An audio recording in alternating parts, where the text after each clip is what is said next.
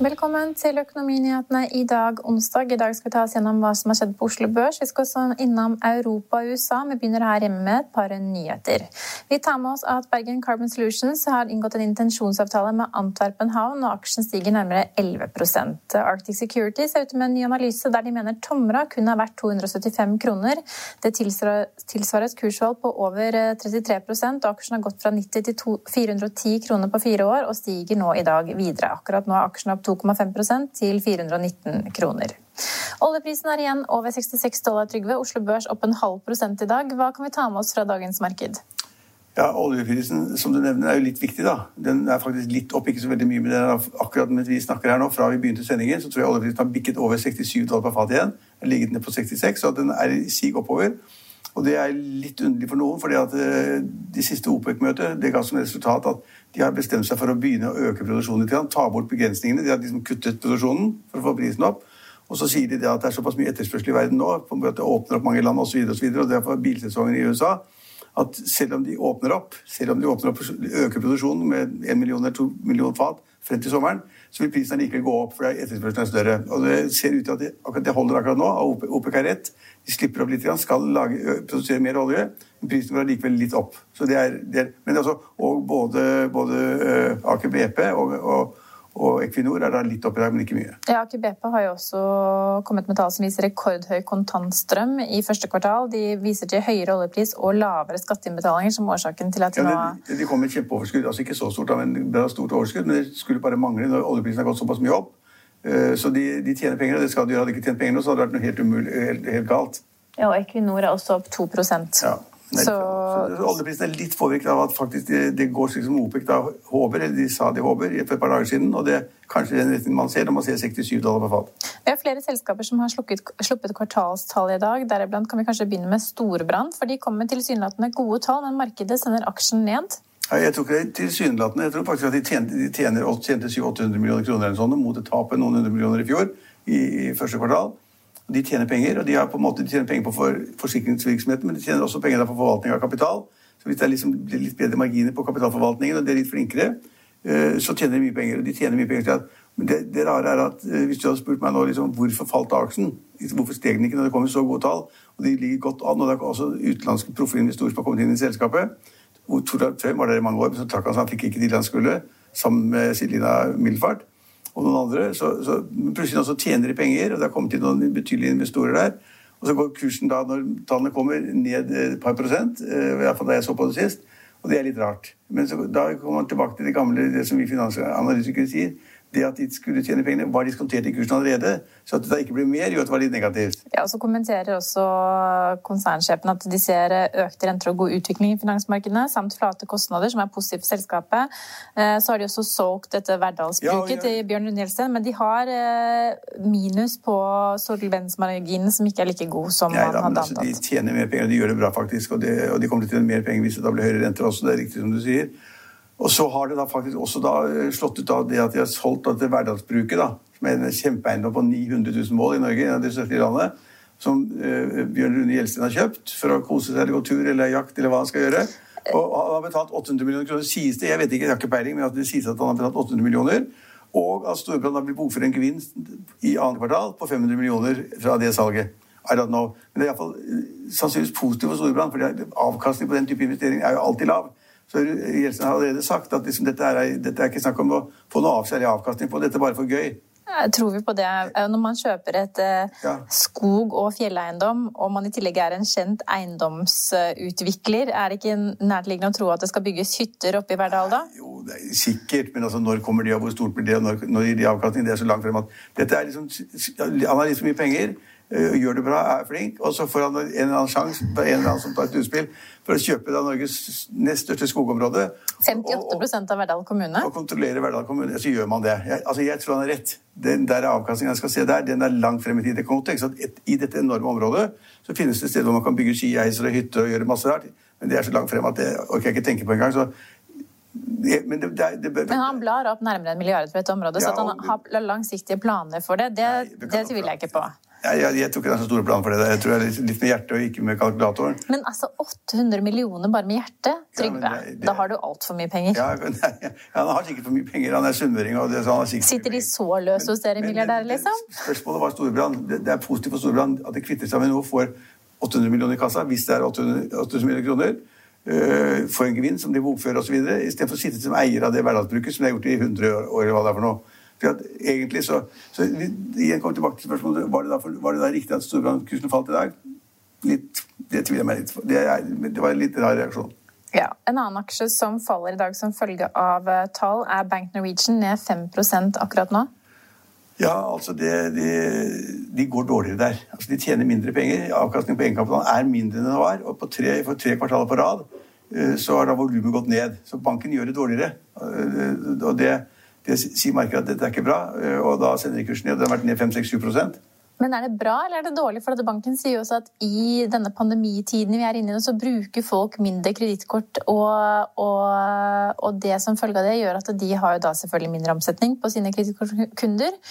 Men Som egentlig sett- kanskje er bra, fordi folk heller sparer istedenfor å bruke på kreditt. Vi jeg har ikke sett andre banker som har sagt at de har mindre volum fordi det skyldes eh, korona. Det har jeg ikke sett. Så det der- Nedstengning har ført til at utlånet har gått ned og redusert kredittkort- kredittkort-kjøp. Men Ja, det var jo også det kort. Det gjelder Ja. alle kort og alle banker. Men fallet kom jo kanskje som følge, at, eh, som følge av at analytikerne hadde forventninger om et resultat på nærmere 600 millioner, og så leverte de så vidt over 500 millioner. Ja, det er nesten det samme, da. Er, altså, jeg ser bare på at volumet går ned på tre kvartal på rad, og at avkastningen på egenkapitalen er lav. Dårligere enn tidligere.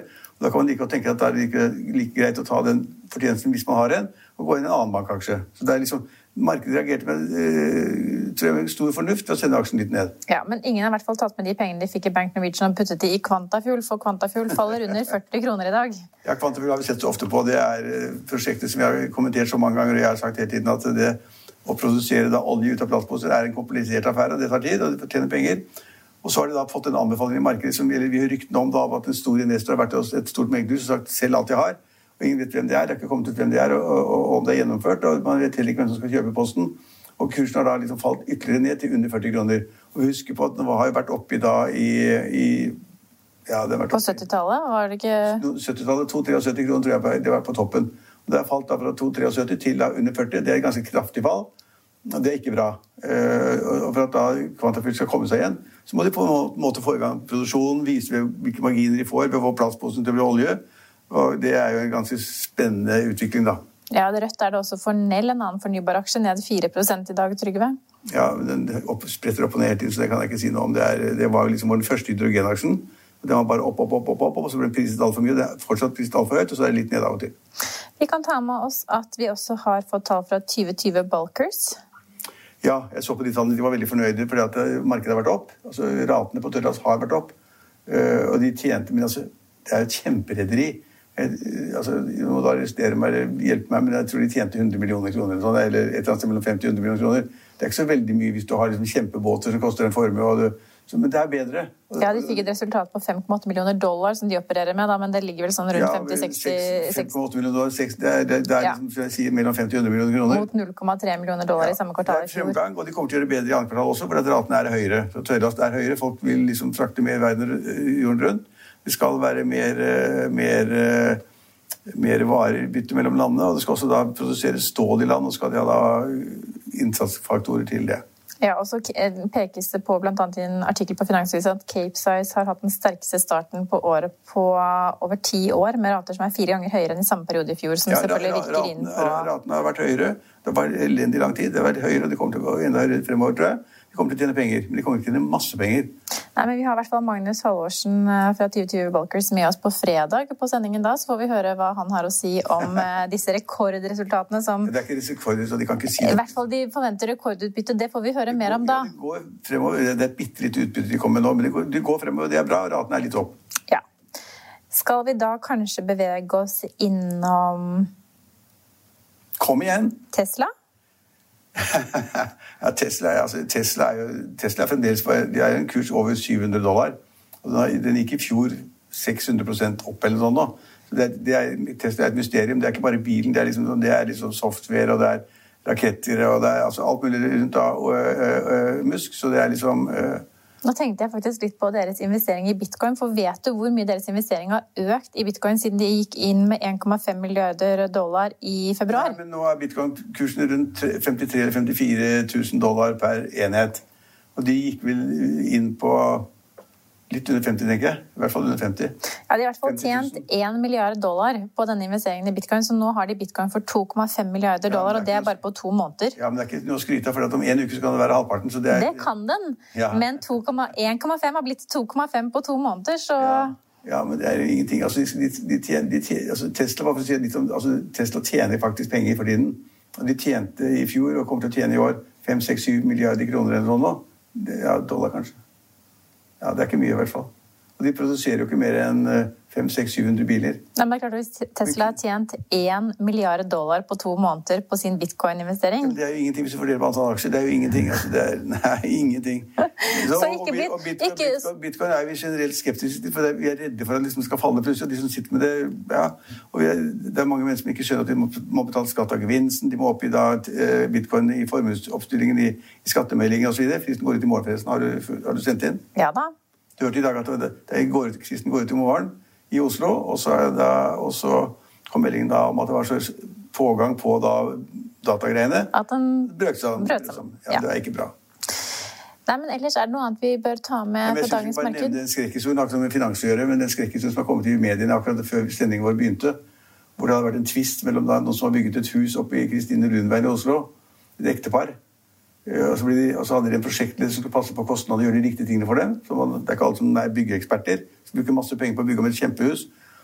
Og så endte det med at de ble, de ble uenige, og, og, så ble det rettssak. I rettssaken så ble da prosjektansvarlig han ble, ble da dømt til å betale 11-12 millioner kroner til de som skulle bygge huset. Så han hadde åpenbart ikke gjort jobben sin, ifølge domstolene. Og i dag så har han skutt damen eh, opp, sin oppdragsgiver han skutt henne nede i byen, midt i sentrum. Ja, På åpen gate i Tostrups uh, gate. Ja, og så tror jeg også det var vel altså, snakk om liksom, at det var blitt tatt noe pant i hans ja, men det, eiendom. Ja, ja, men det var ikke, ikke, realisert pant, men Nei, Men det er liksom ikke vanlig i Norge da at man liksom blir så fortvilt eller sint eller hva det måtte være, at man går da og skyter motparten. Ja, det det Om det var fem eller seks skudd på åpen gate, oppleves også som dramatisk når det skjer det eh, på morgenen. Ja, det er kjempedramatisk. og det er liksom det er ikke tankevekkende, for det er ikke sånn som skjer hver dag, men at, da, at man blir så fortvilt. Man taper, jeg har ikke gjort jobben ordentlig. Så går man og skyter oppdragsgiveren etterpå. Det er jo det er ikke bra. Nei, det er helt forferdelig. Det er crime. Jeg minner om at du kan høre våre børskommentarer og gjesteintervjuer også som podkast. Den finner du på finansvisen.no podkast. Sendingen vår er tilbake i morgen klokken 15.30. Da skal vi også snakke med Orkla. Følg med oss igjen da.